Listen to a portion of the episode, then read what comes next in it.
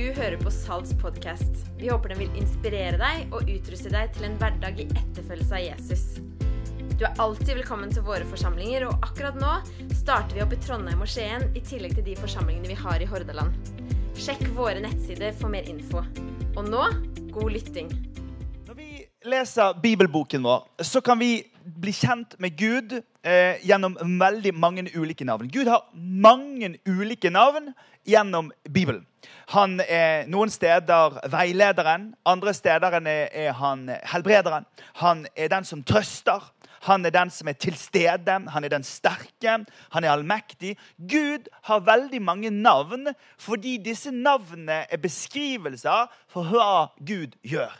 Og Det som er interessant med Gud, er at Gud han er en giver. Han gir tilgivelse. Han gir nåde. Han gir veiledning. Han gir kjærlighet. Gud i sitt vesen er givende. Og En av de navnene som vi treffer i Skriften, det er at Gud han er den guden som forsørger. Han er den guden som er mer enn nok. Og Det er akkurat det der med mer enn nok vi skal snakke om i løpet av disse minuttene. i. Det er at det finnes et punkt over nok, hvor vi får mer enn nok. Og Spørsmålet er hvor blir det av det som er mer enn nok, når vi har nok? Det som skjer i den judeokristne arven, det er det at vi har en gud som sier at han bryr seg om alle områdene i livet vårt. Vi lever i en tid som sier at vi hiver Jesus opp i en skuff, sånn at vi går litt i kirken, og så går vi litt på, på jobben, og så går vi litt i hverdagen vår, og så går vi litt på det, og så gjør vi litt på det. Og så deler vi livet vårt inn i ulike skuffer. Men, men, men hele bibelboken har en påminnelse til oss om at Gud bryr oss om vår helse. Han bryr seg om vår frelse. Han bryr seg om våre penger, han bryr seg om våre talenter. Han bryr seg om hele livet vårt. Og Derfor så utfordrer vi i denne kirken til å tenke ikke tenk at dette med Gud og Jesus og menigheten er bare en liten skuff i et univers som er ditt. Men tenk at Gud ønsker å veilede i hele den pakken og i hele det livet. Han blir faktisk litt lei seg når vi deler livet opp i biter. Gjennom profeten Jeremia så sa Gud følgende.: To onde ting har folket mitt gjort.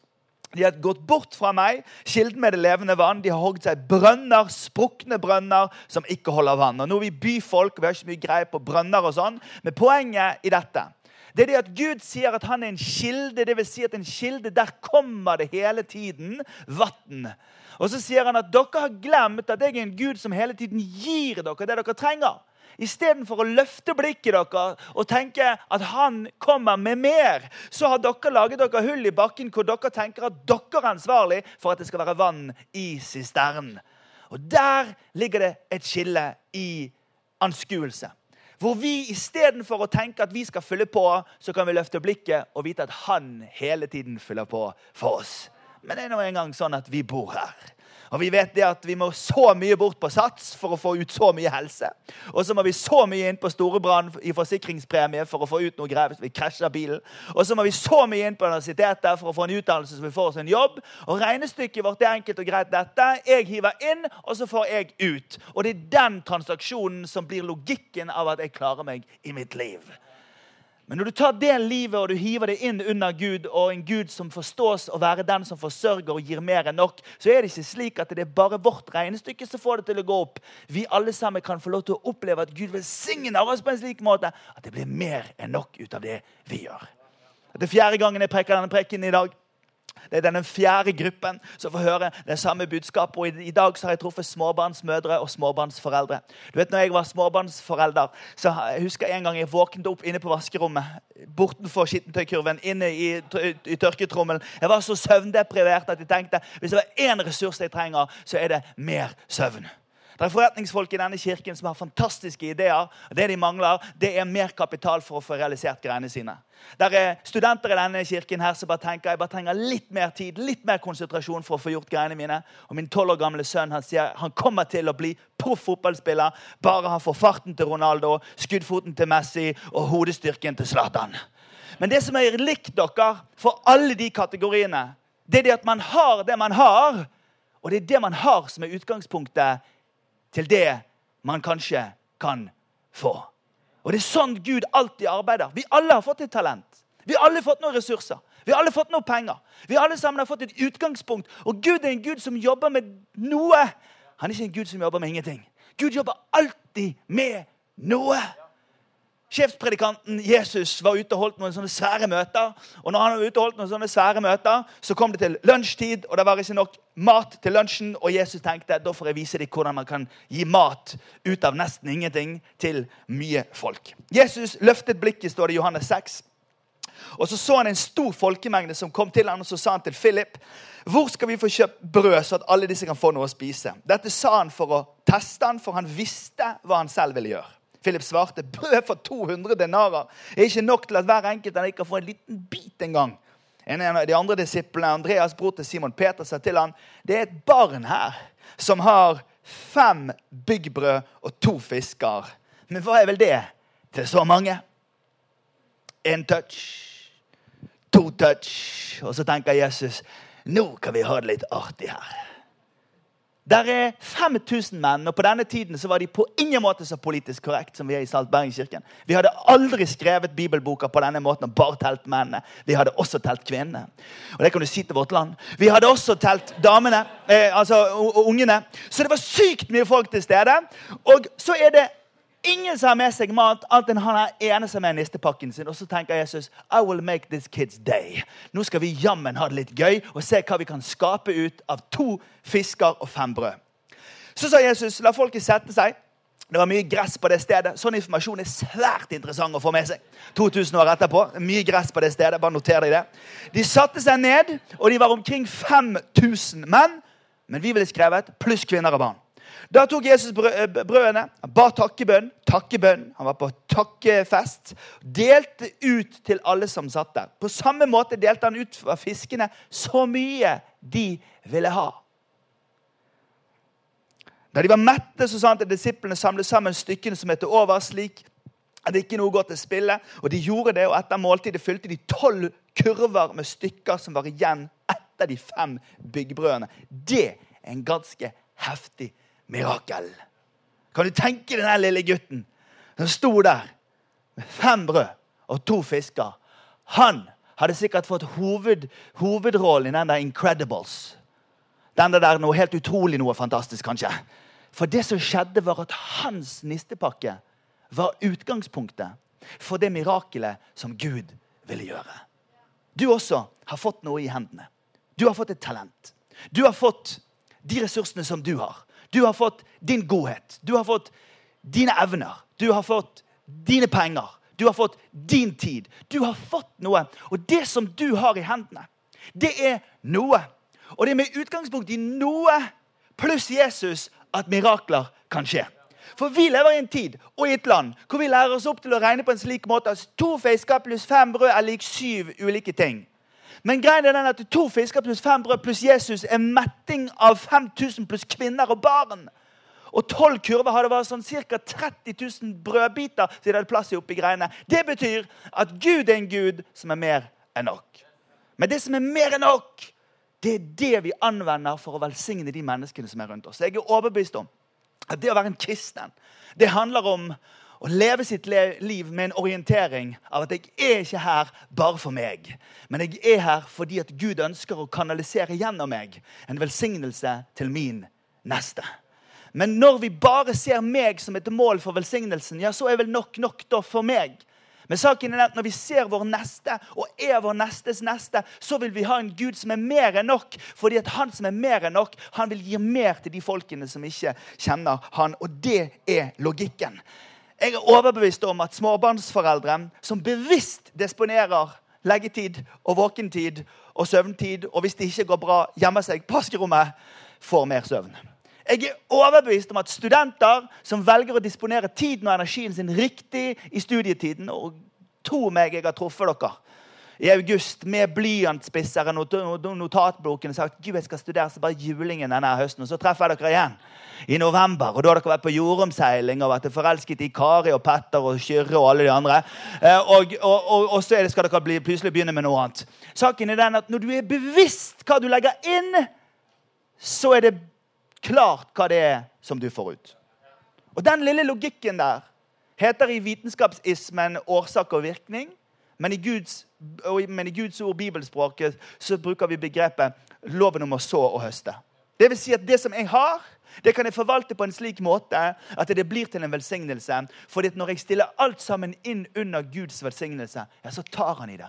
Han tar i det, og så gjør han fem brød og to fisker til mat for mange. Så gjør han ditt talent til velsignelse for mange. Så gjør han din tid til noen kalendertid for noen som trenger din oppmerksomhet. Så gjør han dine ressurser til velsignelse for andre mennesker. Hvis du tror det, kan du hviske et lite amen. i alle fall. 2. Korinterbrev 9, 6-12. Dette er Paulus som skriver til menigheten i Korint. Men det sier jeg. Den som sår sparsomt, skal høste sparsomt. Den som sår med velsignelse, skal høste med velsignelse. Enhver skal gi det han har bestemt seg for i sitt hjerte. Ikke ulyst. Det tror vi ikke på. Vi tror ikke på ulyst, men vi tror heller ikke på tvang. Fordi Gud elsker en glad giver. Der det er godt humør og frihet, det syns Gud er veldig viktig. Og det er også viktig her på denne høstakkefesten. Og Gud makter å gi dere all sin gave i rikt mål, så dere alltid og under alle forhold har nok av alt. Ja, overflod til all god gjerning. For det står skrevet Han strødde ut og ga til de fattige. Hans rettferd skal alltid vare. Han som gir såkorn til den som skal så, brød til den som skal spise, han skal også gi dere såkorn. Og la det være, bære rikelig, så og la deres rettferdighet bære rik frukt. Dere skal alle ha rikelig av alt, så at dere gjerne vil gi. Og så skal takken stige opp til Gud når vi overbringer gaven. For denne tjenesten, denne gudstjenesten er ikke bare en hjelp for de hellige i deres nød. Den skaper også en overflod av takk til Gud. Jeg vet ikke om du har hørt noen snakke om denne teksten tidligere, men jeg etterstreber å snakke om denne teksten på en slik måte at den er relevant for deg som lytter, og at den ærer det som står i denne teksten. Nemlig at over nok-punktet fins der en gud av mer enn nok. Som ønsker å velsigne våre liv på en slik måte at det ikke stopper med oss, de velsignelsene vi får, men at vi også er i stand til å gi til vår neste. Fordi jeg er ikke bare her for meg. Jeg er her fordi at Gud ønsker å velsigne dem som ikke tror på han engang. Er dere med meg på den? Jeg var i Kina her for noen eh, år tilbake. og, og Da traff jeg en, eh, en, oversetter, en som skrev bøker, amerikanske bøker over til kinesisk språk. Og Han skulle oversette en, en sånn forkynner i Amerika, Texas. sant?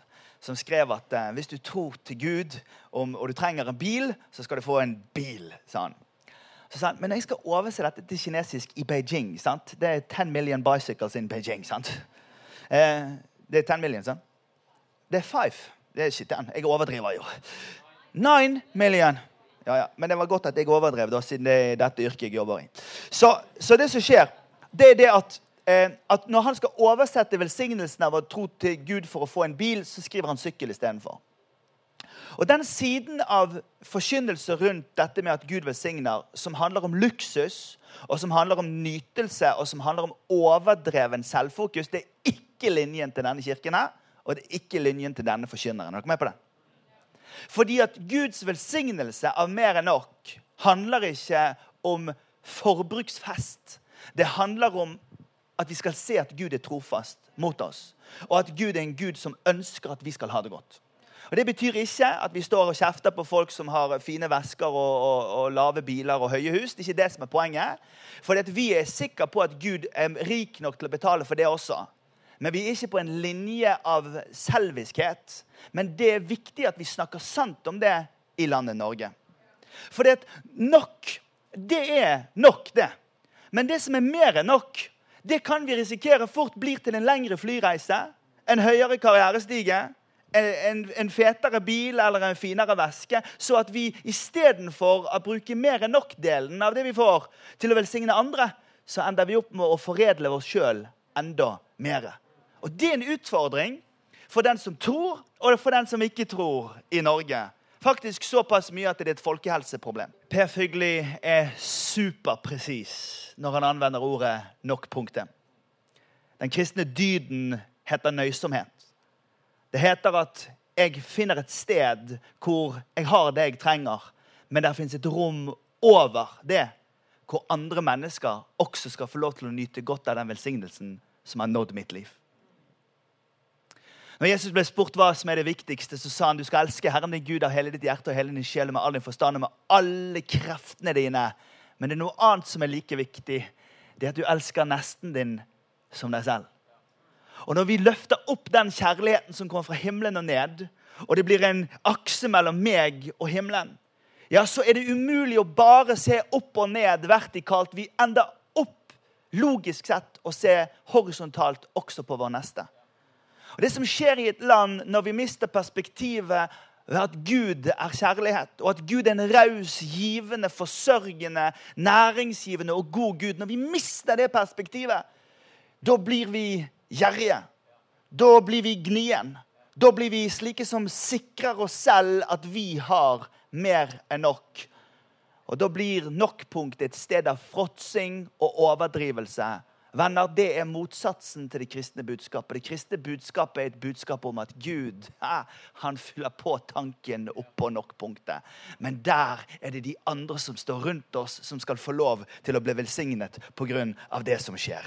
For han, vår Gud, gir såkorn til den som skal så, brød å spise han skal også gi dere såkorn, så at det skal bære rikelig. Så at dere rettferdighet skal bære rik frukt. Og at dere skal ha hørt på dette, folkens, rikelig av alt, så at dere gjerne vil gi. Den lille gutten kommer og gir sine to fisker og sine fem brød. Og det blir til mat for tusenvis. Og han lærer å regne at min lille matpakke pluss Jesus er velsignelse for de mange. Og spørsmålet blir da ditt talent, dine ressurser, dine penger, din energi, din tid, alt det som du har fått. Er du en sånn som investerer det inn i det riket som du tror på, og tror at Gud er den som også da vil velsigne tilbake igjen? For hør, I vitenskapen heter det årsak og virkning, men i Guds rike heter det loven om å så og høste. Og den ligger i skapelsesorden. Det står i 1. Mosebok 8,22.: Så lenge jorden står, skal såkorn og høst, kulde og varme, sommer og vinter, dag og natt aldri mer ta slutt. Så jeg går på treningsstudio, og så får jeg ut helse, og så betaler jeg forsikringspremie, så får jeg ut sikkerhet, og så tar jeg en utdannelse, for så får jeg meg en jobb, og det er mitt regnestykke. Men hvis jeg senker blikket, vel, da er det bare mitt.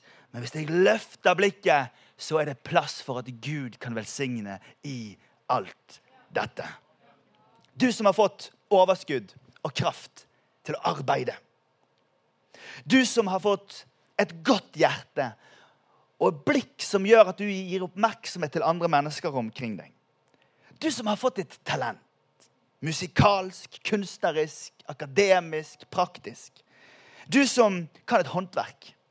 Du som er flink til å tjene penger. Du har det i hendene dine. Vil du ta de to fiskene og de fem brødene og løfte de opp til han som kan ta på det og gjøre mirakel ut av det? Er du villig til å stille deg sjøl noen ransakende spørsmål? La meg forsøke med noen. Ser du den du hjelper, eller uh, hjelper du deg selv når du hjelper? Ser du bekreftelsen du får ved å vise godhet? Eller ser du gevinsten den får, den som opplever din godhet? Ser du din egen berømmelse når du utvikler ditt talent? Eller ser du at ditt talent er en glede for andre? Ser du din egen gevinst av ditt eget arbeid? Eller ser du at noen andre kan bli lykkelig fordi du gjør en innsats for dem? Så skal du skrive noe på Twitter eller på Face eller på Snapchat eller på et eller annet i kveld, så er det dette. Mer enn nok handler om at vi ikke er oss selv nok. Over nok-punktet fins en velsignelseskonto som Gud gir til oss for at vi skal få lov til å bety noe for vår neste. Og det er når vi ser at Gud er en velsignende Gud av mer enn nok, da blir det ikke så trangt lenger. Da blir det åpent, og det blir friskt, og det blir mulig å bety en forskjell for andre. Vi lever i en tid hvor stoppestedet er meg. Men i grunntanken av det kristne livet så er vi bare kanalen som Jesus anvender for å sende sin velsignelse også til de menneskene i vår verden som ennå ikke tror på han. Og så, dere, skal takken stige opp til Gud når vi overbringer gaven. For denne tjenesten, denne gudstjenesten er ikke bare til hjelp for de fattige og de hellige i deres nød. Hjelp for de hellige i deres nød. Den skaper en overflod av takk til Gud. Og nå vil jeg at du skal være med her. Vi snakker ikke om en transaksjon mellom at vi får tilbake en, en, en velsignelse fra Gud. Men resultatet av velsignelsen som Gud gir, er at Gud får ære. Hele logikken i bibelboken vår er at Gud er en Gud som fortjener vår tilbedelse, fordi Gud er en god Gud. Derfor så er ikke det å vri rundt en nøkkel å gi for å få. Det er ikke det som er greia. Nei, endemålet det er at takken går til Han. Tenk om jeg og deg kunne få lov til å stille oss på sidelinjen og ikke motta berømmelsen fordi vi var rause. Men et menneske kan si vet du hva, 'Takk for at Gud grep inn i livet mitt'. Men vet du, måten Gud griper inn i livet til vanlige folk nå for tida, det er som oftest gjennom sånne folk som meg og deg. Jesus han har en kirke i vår verden. Og den kirken i, i, i, verden, og han har en kropp i vår verden. Og den kroppen som fins i denne verden, det er meg og deg. Det er mine og dine hender. Det er mine og dine skuldre. Det er mine og dine føtter. Og det er mine og dine ressurser. Det er folk som synger sangene, spiller på instrumentene, leder greiene, driver diakonalt arbeid. Du og jeg må ikke være så superåndelig at vi bare skal be til Gud istedenfor å ta et tak i oss sjøl og skjønne at vi er en kanal for Guds velsignelse. Tidligere statsminister i England, eh, Manchester United Nei. Manchester United. Nå er det seint på dagen. Jeg skal der i morgen. Det er derfor jeg tenkte på det. Eh, eh, ikke til United, da. Jeg skal ikke prøvespille, men byen. Eh, hva heter hun for noe? Margaret Thatcher.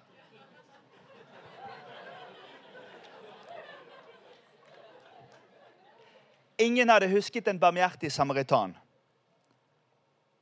om han bare hadde gode intensjoner. Han hadde penger også. Nok punktet er nøysomheten. Mer enn nok er velsignelsen over. Jeg ber til Gud. Herre, midt i forbruksfesten av å bo i verdens rikeste land, lær meg å kanalisere velsignelsen av mine evner, mine talenter, min tid, min kalender. Det du har gjort meg ganske så god til i arbeidslivet. Lær meg å være en som kan være med å gi dette til velsignelse for andre mennesker. Lær meg veien rundt min egen selviskhet. Lær meg å ha et hjerte som banker for min neste. Nå skal vi synge en sang om det, som handler om hjertet. Som handler om det å bli formet sånn i vårt indre. For at pengekraften vil forme oss, karrierestigene vil forme oss.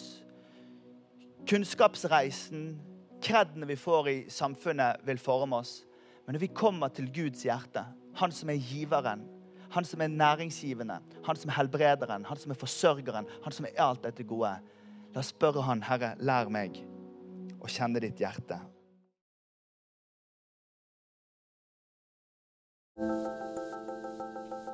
Takk for at du lyttet til podkasten til Salt. For å høre flere, besøk oss på saltbergen.no.